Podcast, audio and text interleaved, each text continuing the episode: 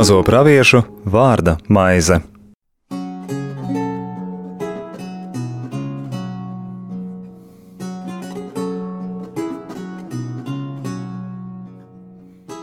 Slavēts Jēzus Kristus. mūžīgi mūžos slavēts. Studijās Stela. Un Anģela, Kā šodien turpināsim lasīt pravieša Amosa grāmatu un pētīt, kā viņš redz šos Izraēļa grēkus un kādi tad ir tie nodarījumi un dieva atbilde. Iepriekšējā reizē mēs nedaudz jau sākām lasīt ceturto nodaļu un mēģinājām saprast, kas ir tie cilvēki, par kuriem Amos runā, ka tie ir šie samarijas aristokrāti, un redzējām, ka tās ir pat sievietes un kādos nevārdos pravietis viņas nodēvēja, un ka viņš paredz šo sagrāvi, ka nāks asīriešu iekarojumi, iekarotāji un šos cilvēkus, kas tajā laikā, kad Amos sludina, dzīvo ļoti labi, viņiem ir trekni gadi, no nabagiem var noplēst deviņas ādas, un jāatzīst, ka līdz pat mūsdienām nekas jau īpaši nav mainījies, un arī Latvijā nav mainījies. Un viņiem liekas, ka tā tas turpināsies mūžīgi. Bet Pravietis saka, redzi, nāks dienas jums, kad jūs izvilks ar makšķeri un jūsu pēcnākamos ar zvejnieku kāšiem. Un pa mūru spraugām jūs iziesit, kā gadīsies, cits cit, citājas citas, un jūs aizvedīs uz Hermona kalnu pusi. Tā saka tas kungs. Un varētu jau te meklēt pat plašāku skaidrojumu, kādā veidā asīrieši veica šos savus varas darbus, jo asīrieši kā iekārt, iekarotāji bija, var teikt, tā laika pasaulē paši mežonīgākie un asinskārākie. Un tā makšķere un zvejnieku kāši nedaudz norādījums uz to ieroču veidu, kādus viņi plaši pielietoja. Un vēl var saprast arī šos vārdus simboliski, ka šie cilvēki savos netikumos un grēkos un tai savā nepatikā un negribā pildīt kunga likumu, paši ir noķerti kā zīvis savu netikumu tīklā. Un jaunā derībā mēs varam redzēt jau šo tīklu un zvejošanu un zvejas rīku pilnīgi citā kontekstā, ka Jēzus arī iet kā zvejnieks, lai zvejotu cilvēkus Dievu valstībai un savus mācekļus aicina kļūt no parastiem ziviķērājiem par cilvēku zvejniekiem. Bet šeit šim uh, zvejas rīku pieminējumam ir cita nozīme. Tas ir rīks, ar kuru satver un nogalina. Tālāk, 4. nodaļā, Pravietis Amos piemin divas tādas vietas - Bēteli un Gilgalu, un viņš tās piemin arī 5. nodaļā. Diezgan līdzīgā veidā. Tātad mēs jau paralēli pieskaramies arī 5. nodaļas tekstam, Bet meklējiet Bēteli un nenāciet uz Gilgalu, neiet uz Beršebu, jo Gilgalu aizvedīs projām sagūstīt, un Bētele kļūs par Bet Avenu. Un šeit arī ir ceturtā nodaļā minēta tā Bētele. Jā, nāciet šurpu uz Bēteli un kalpojiet grēkiem, un dodieties uz Gilgalu, lai varētu grēkot vēl vairāk. Un nesiet krītus savus ziedojumus ik trešajā dienā savas desmitās tiesas devu. Un kvēpiniet raudzētu mīklu pateicības ziedojumiem, un nesiet vēl īpašus labprātīgus ziedojumus, un dariet to plaši zināmu arī citiem, jo to jau jūs darāt labprāt, jūs Izraela bērni. Saka tas kungs. Un par ko tad tur ir runa? Gilgala bija pazīstama svētceļojuma vieta, ar kur bija piemiņas akmens Izraēļa ielieša, ieiešanai apsolītajā zemē. Un Bētele arī bija tā vieta, kur bija tie zelta teļi, par kuriem mēs runājām iepriekšējā reizē.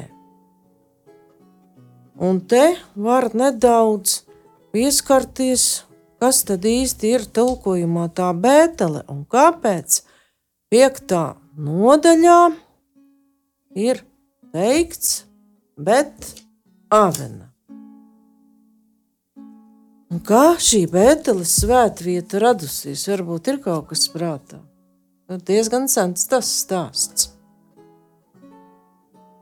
Radīšanas grāmata 28. nodaļa.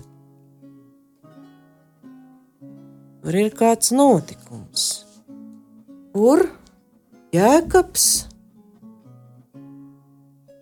cīnās ar Dievu, redz sapni par kāpnēm debesīs. Un redzi, tas kungs stāvēja augšgalā un sacīja: Es esmu tas kungs, tava tēva Abrahāma dievs un Īzāka dievs. To zemi, uz kuras tu guli, es došu tev, taviem pēcnācējiem.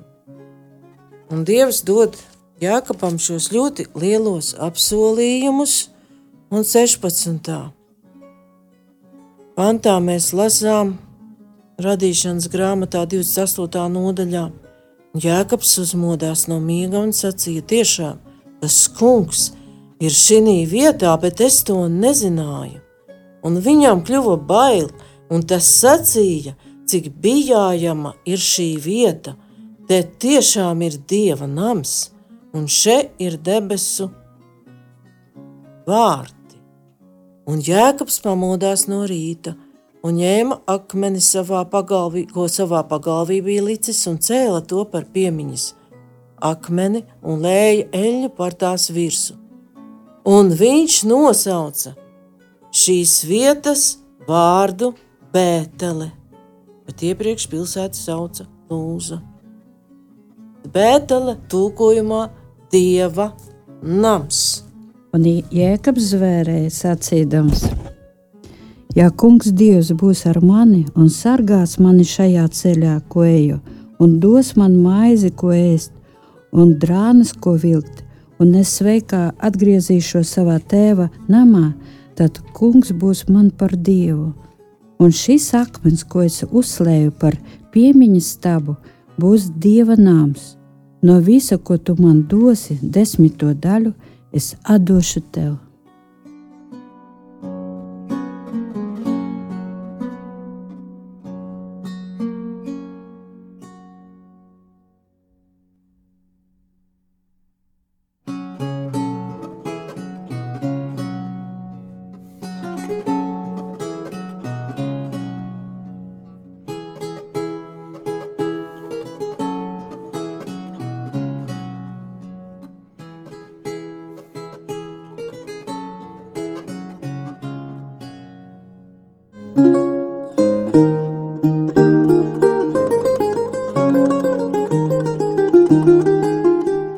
Studijā Stela un Anģela.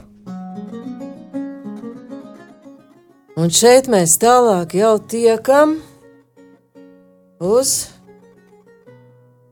Amosa teikto par tiem ziedojumiem. Ik rīt savus ziedojumus, ik trešajā dienā savas desmitās tiesas devu. Tā tad var saprast, ka Amosa laikā šajā dieva namā šie ziedojumi, desmitā tiesa, ko Jēkabs grib dot dievam priecīgu sirdi, un viņš grib ar tā pateikties par lielo dieva palīdzību savā dzīvē, ka viņš ir izglābts no lielām briesmām. Un atkārtotā likuma grāmatā 14. mēs arī varam lasīt par šo desmito tiesu. Tātad šis došanas, nu, varbūt nu, man īsti negribētos teikt tāds briesmīgs pienākums, varētu teikt, šis aicinājums dot dievam šo desmito tiesu upuri, atzīstot, ka tu pats esi visu saņēmis no dieva. Nostiprināts, nostiprināts ļoti pamatīgi, un atkārtotā likuma grāmatā 14. nodaļā mēs arī varam par to lasīt. Es ceru, ka es to atradīšu. 14, 28, 29 un pat no 20. À, tur ir pat plašāk par to trešo gadu un visu, ko Amos tur piemin. Un pat it kā pārfrāzē. Tad atkārtotā likuma grāmata, 14. nodaļa. Noteikumi par desmito tiesu. Tev būs dot taisnu desmito tiesu no visiem savas sējas augļiem kas ik gadus izaug tavā tīrumā, un tev būs to ēstā kunga sava dieva priekšā tai vietā, ko viņš sev izraudzīs, lai tur mājotu viņa vārds, gan no savas labības, gan no savas vīna sulas, gan no savas eļas desmitās tiesas devām, un tā tālāk. Tātad mēs redzam, ka atkārtotā likuma grāmata atgādina, ka jebkurš labums, ko dažreiz mums patīk uzskatīt par savu pūļu augli, un zināmā mērā tas tā arī ir, jo jau radīšanas grāmatā mēs varam lasīt, un tev būs vaigas viedros ēst savu maizi, un pūlis ir jāpieliek, bet tālākais ir, kas tev dod to spēku, strādāt tajā tīrumā, vai tagad iet uz to darbu, vai mājās strādāt, lai tas labums rastos. Un tajā laikā jau raža un tās apmērs arī cik lopi tev būs ganāmpulkā, bija tieši atkarīgs no dieva labvēlības. Arī šeit es gribētu pievērst uzmanību 4. pāntam Āmusa grāmatā ik rītu pienesiet savus upurus, un ik pa trim dienām de, desmito tiesu. Ja? Šeit mēs varētu izlasīt arī Mateja evaņģēlijā, 26. nodaļā, 45. pantā. Tad viņš nāca pie saviem mācekļiem un sacīja: Vai jūs vēl aizvien guļat? Redzi, tā stunda ir klāta, cilvēka dēls tiek nodots grēcinieku rokās. Celieties, ejam, redzi, mans nodevējs nāk. Paldies! Šeit Anģela pavērsam šo tēmu uz Jēzu kā upuri, kas pilnīgi izpērk visus cilvēku grēkus, un līdz ar to tāda veida upuri vairs nav nepieciešami. Bet Amosa grāmatā tur šīs trešā diena, un tas viss ir pieminēts ar ļoti lielu ironiju.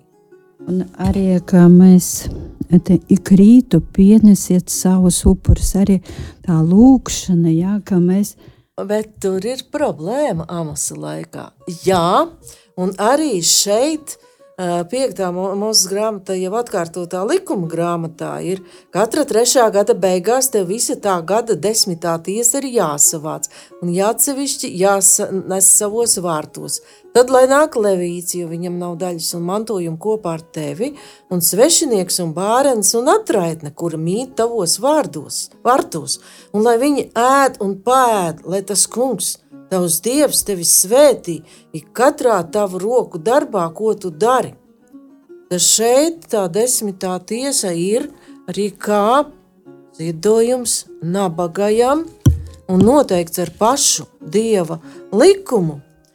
Bet Amusa grāmatā ir tas gadījums, ka kāpēc Amos saista to Bēteles svētvietu un kalpojiet grēkiem. Ik rītu savu ziedojumu, ik desmitās tiesas devu, ka šajā gadījumā tas nebija dots labprātīgi un lūkšanas garā. Ka šeit šie ziedojumi, īpaši labprātīgie ziedojumi, nu, it kā labprātīgi, Un desmitās tiesas devu tur bija runa par trīs gadiem, bet te ir tie trīs dienas. Amos var teikt, ar rūktu izsmieklu runā par šiem dievkalpotājiem Bētelē. Jo ārēji viņi it kā visus šos noteikumus pilda, nu, putas uz lūpām, aizrautīgi. Viņi dod pat trešajā dienā atspērušies. Bet tā mums jau runā par to, par ko runā arī Jēzus. Te pašā Mateja evaņģēlijā tur bija pat tiem platām lūkšanas siksnām un nobaltatiem kapiem jau iepriekšējā reizē. Man liekas, tu to lasīji. Mēģini, jā, mēģini vēl... atkārtot. Atkārtošana Tas ir Mateja evaņģēlijā 23. Jā. nodaļā, 23. pantā. Vai jums rakstu mācītāji un farizēji, jūs liekuļi, Jūs dodat desmito tiesu no mētrām, dillēm un ķimenēm, bet atmetat to, kas svarīgākais bauslībā - taisnīgu tiesu, žēlsirdību un ticību. Šo jums vajadzēja darīt, un arī to otru neatmest.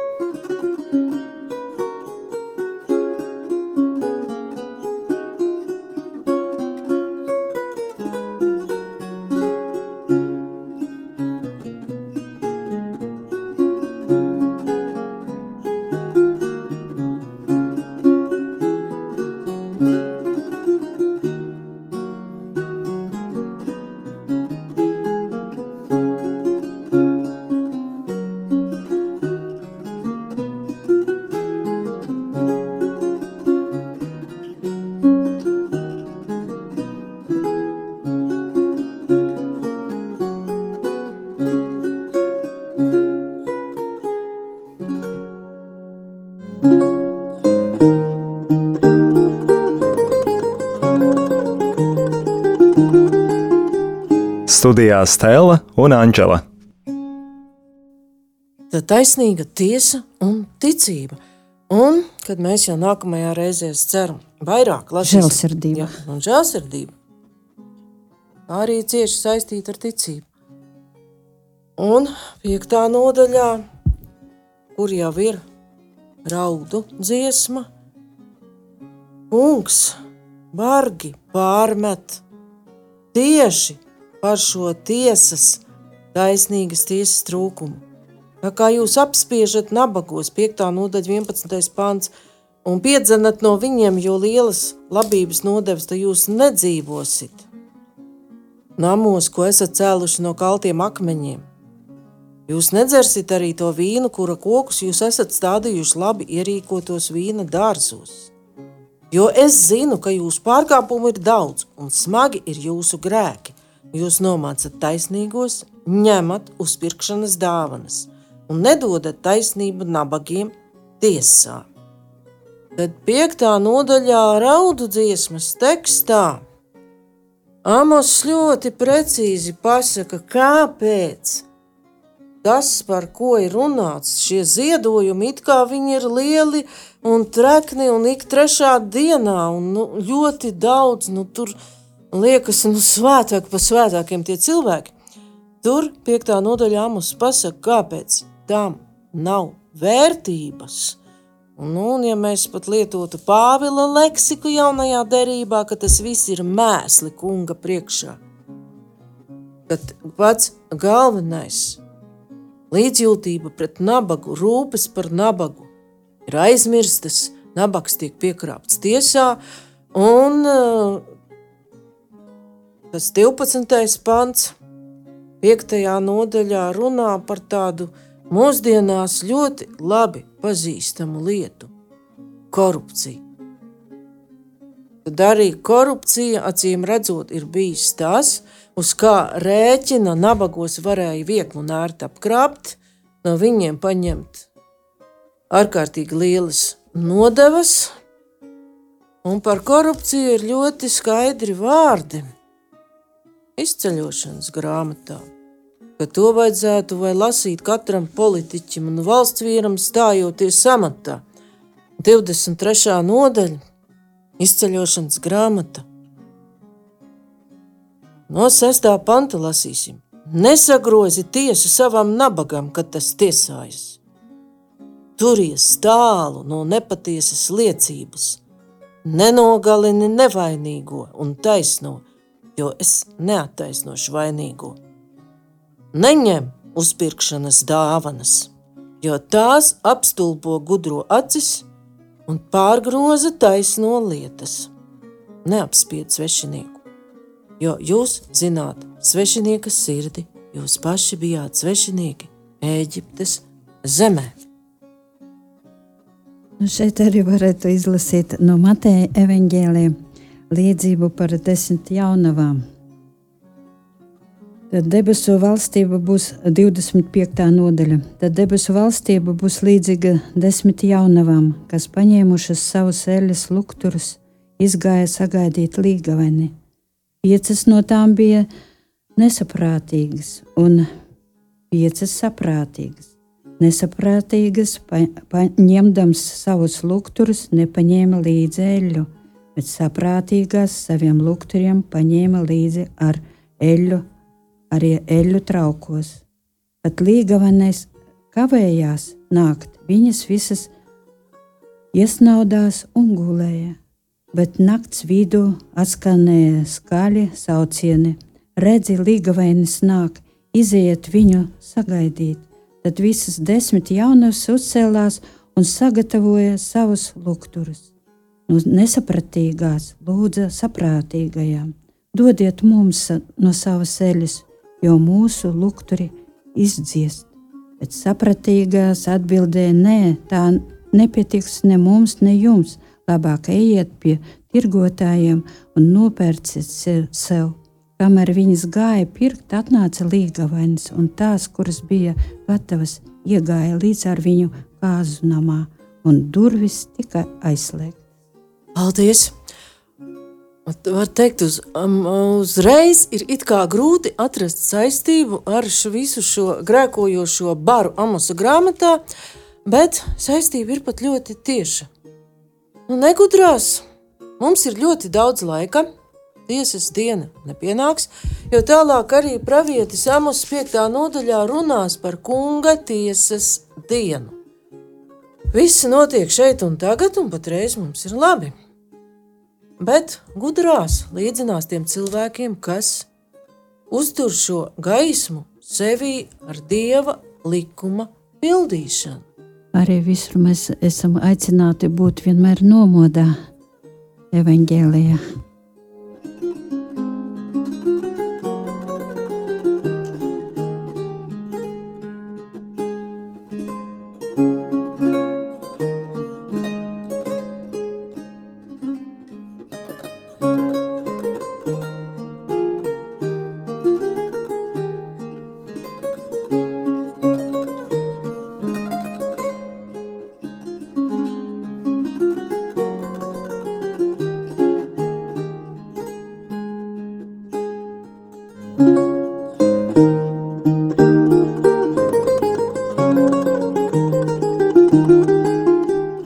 Studijā Stela un Anģela.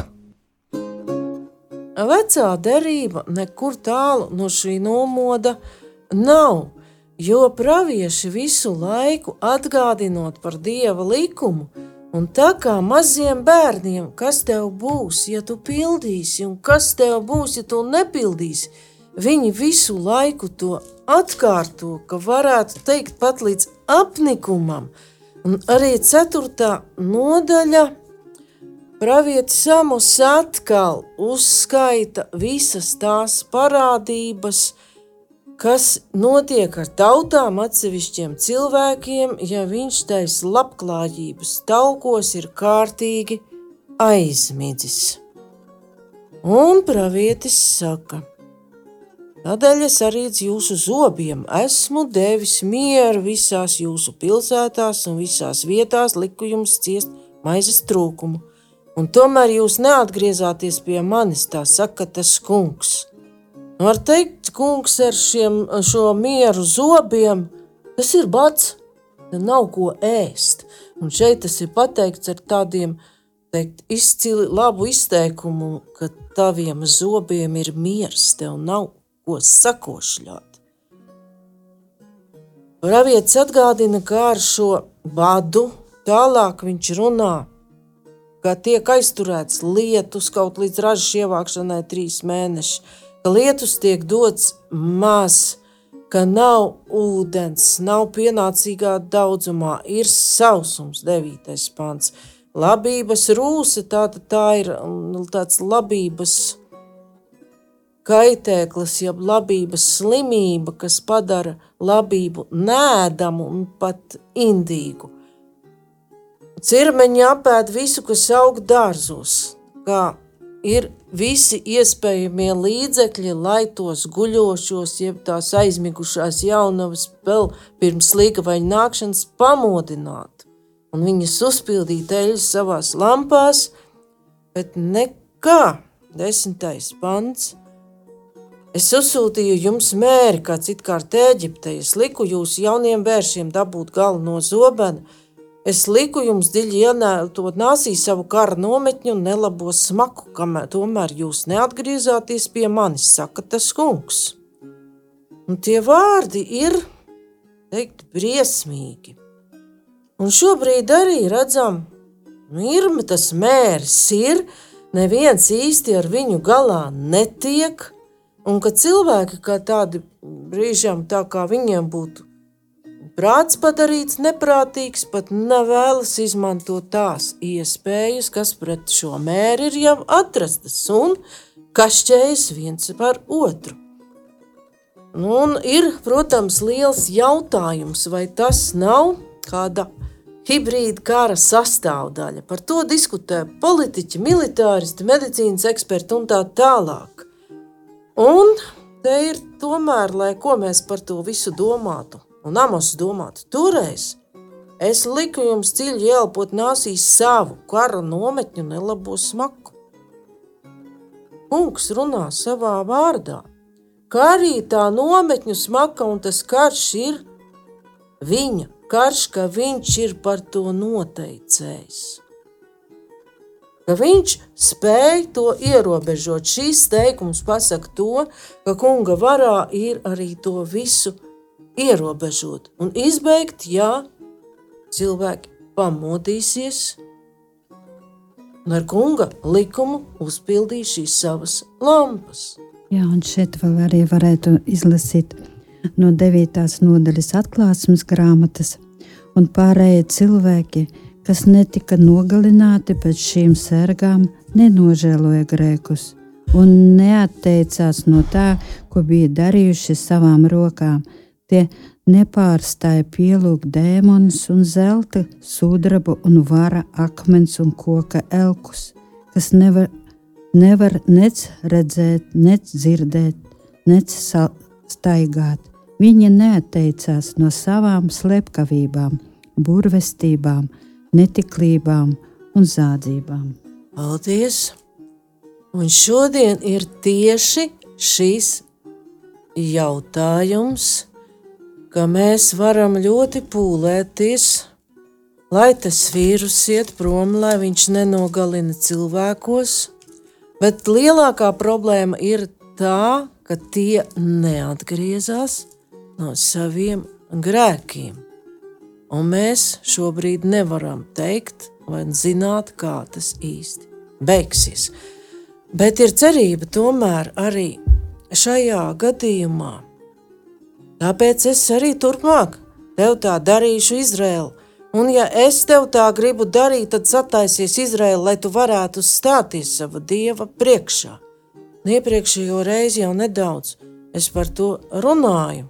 Un varam saprast, ka jaunās derības laikā mēs visi esam tas Izraels, kuri ir aicināti atgriezties, un kuri, kā atklāsmes grāmatas fragmentā teikts, tiepīgi negrib to darīt, lai tu varētu stāties sava dieva priekšā. Un šis izteikums, jo seko radīšanas slavinājums dievu kā radītāja slavinājums. Viņš ir tas, kas veido kalnus, rada vēju un atklāja cilvēkiem. Es viņam padomā, liek ausmai sekot dziesmai. Viņš staigā pāri zemes augstumiem, Dievs, kungs, cebots ir viņa vārds. Ja ir šis brīdinājums, lai tu varētu stāties savu dievu priekšā, tā kontekstā mēs varam saprast, arī tās sērgas, bats un viss pārējais ir domāti, lai cilvēkus, lai tautu šķīstītu. Un mūsu laiks ir iztecējis, un par Amosa raudu dziesmu, kurā daudz kas attiecas arī uz mums, mēs runāsim jau nākošajā reizē. Šodien paldies par uzmanību. Studijā bija Stela un Anģela. Izskanēja raidījums Mazo praviešu vārda maize.